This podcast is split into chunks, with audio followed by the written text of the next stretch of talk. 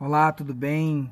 Nós vamos começar aqui então hoje um podcast sobre o livro Caçadores de Deus. Ele é um livro escrito por Tommy Tenney é, e, e, o principal, o principal é, anseio do Tommy Tenney ao escrever esse livro é falar sobre a fome e a sede por Deus e realmente incentivar pessoas e os cristãos e a igreja a saírem da inércia espiritual e passarem a buscar o Senhor Jesus. Então, esse livro ele é composto por 10 capítulos e o, a, a, introdução ela, é, é, ela é baseada em realmente dizer que os caçadores de Deus eles sempre existiram.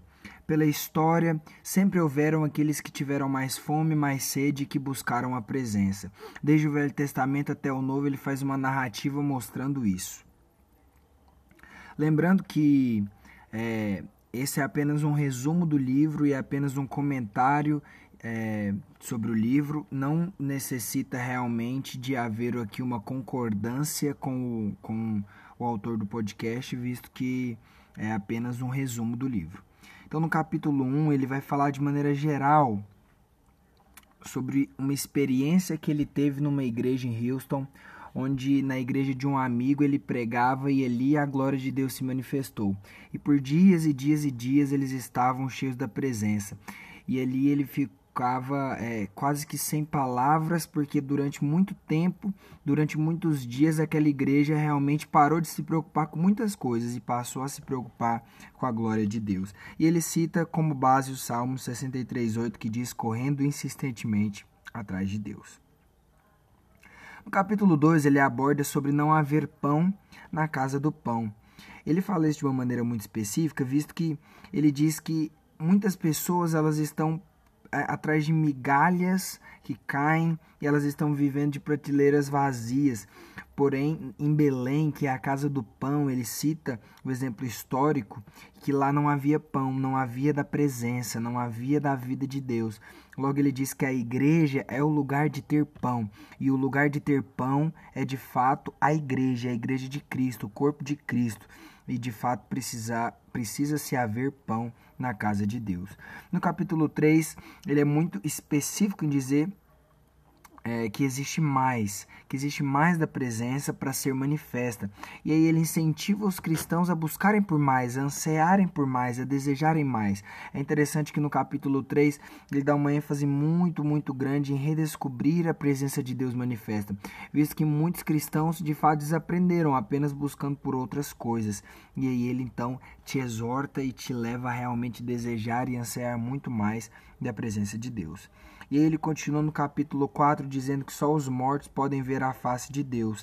Aqui é interessante porque essa narrativa de dizer que apenas os mortos podem ver a face de Deus é baseada quando Deus fala que ninguém pode ver a sua face sem estar morto, ou seja, sem morrer, né? Quem ver a face de Deus morrerá. Então ele diz que apenas mortos podem ver a face de Deus certo? E ele diz que o caminho secreto para a presença de Deus é a morte, em suma, a morte do seu ego.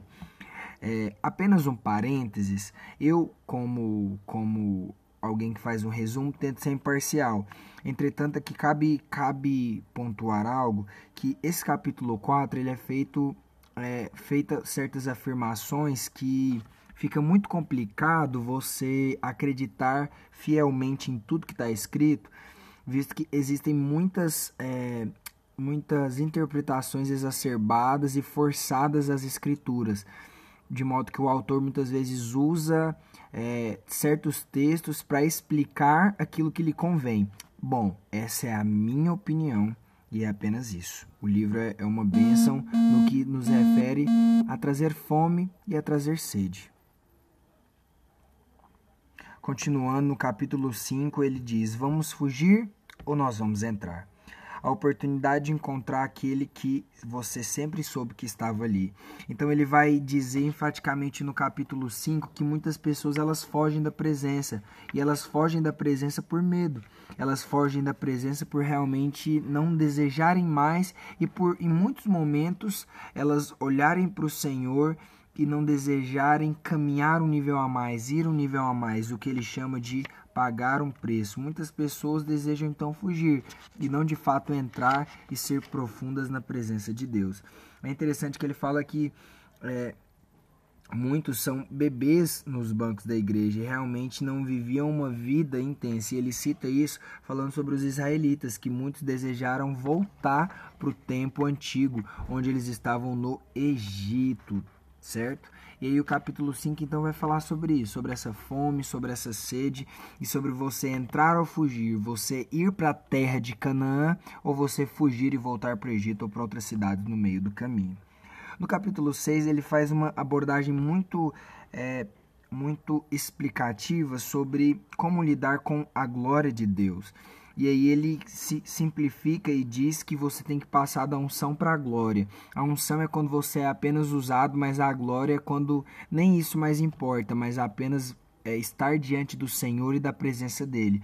Então ele diz de uma maneira muito específica aqui que o, o, anseio e o intuito dele é que você passe da unção, pare de apenas ser usado e passe a desfrutar da glória de Deus e ansiar a glória. No capítulo 7, ele diz que se ele já fez isso uma vez, ele pode fazer outro. Ele cita alguns exemplos de avivamentos e de coisas que já aconteceram pela história.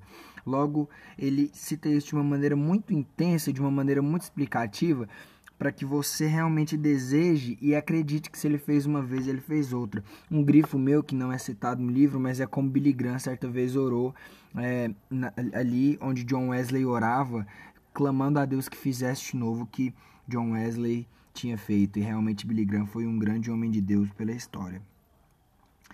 No capítulo 8, ele disse que o propósito da presença, de fato, é que é, ela erradie ali o evangelismo e o evangelismo ele é feito pela presença. Ele diz que existem zonas de radiação divina e isso acontece evangelismo através dessa presença. Ele cita que ele acredita que em shoppings, por exemplo, nesse grande avivamento, tem pessoas que amam a glória de Deus, pessoas vão passar cheias do Espírito e outros vão cair arrependidos. Ele cita isso porque houveram homens durante a história que viveram experiências assim, e baseado no capítulo anterior, ele acredita que isso pode acontecer novamente, e ele até incita para que isso aconteça. Então ele cita de maneira muito clara que existem zonas de radiação divina. Ele chama assim que a glória de Deus é, é transparecida e transbordada através destes. No capítulo 9, ele diz: aniquile a sua glória. E ele diz que a morte da glória do homem, do ego do homem, é o nascimento da glória de Deus. Dizendo então que quando o homem exime-se do seu ego, ele rejeita o seu ego, ele retira-se do seu coração, ele para de realmente viver uma vida buscando o seu ego, a sua vontade, mas vivendo segundo a vontade de Deus, segundo o coração de Deus e desejando dar a glória para Deus, aí então este homem realmente vive uma vida no centro, no ponto e no ponto principal, que é o ponto de de fato desfrutar dessa glória divina, dessa presença. Então ele cita que o homem precisa rejeitar o seu ego, que ele precisa morrer para o seu ego e que na morte do seu ego ele aí vai ter vida para Deus. E aí ele cita dizendo que Moisés, ali no capítulo 10, em busca da glória de Deus, passou 1500 anos. Ele cita isso, visto que Moisés fez uma oração pedindo para ver a glória de Deus, e Deus apenas passou de longe é, quando ele estava em meio a dois penhascos numa fenda, e aí no final, depois de 1500 anos após ele ter morrido, e aí ele reafirma dizendo que só quem morreu pode ver a glória de Deus, que 1500 anos depois, no Monte da Transfiguração, Jesus se transfigurou, e Jesus se transfigurando fez ali com que, com que Moisés visse a glória de Deus. Então, assim, respondendo à oração de Moisés 1500 anos depois.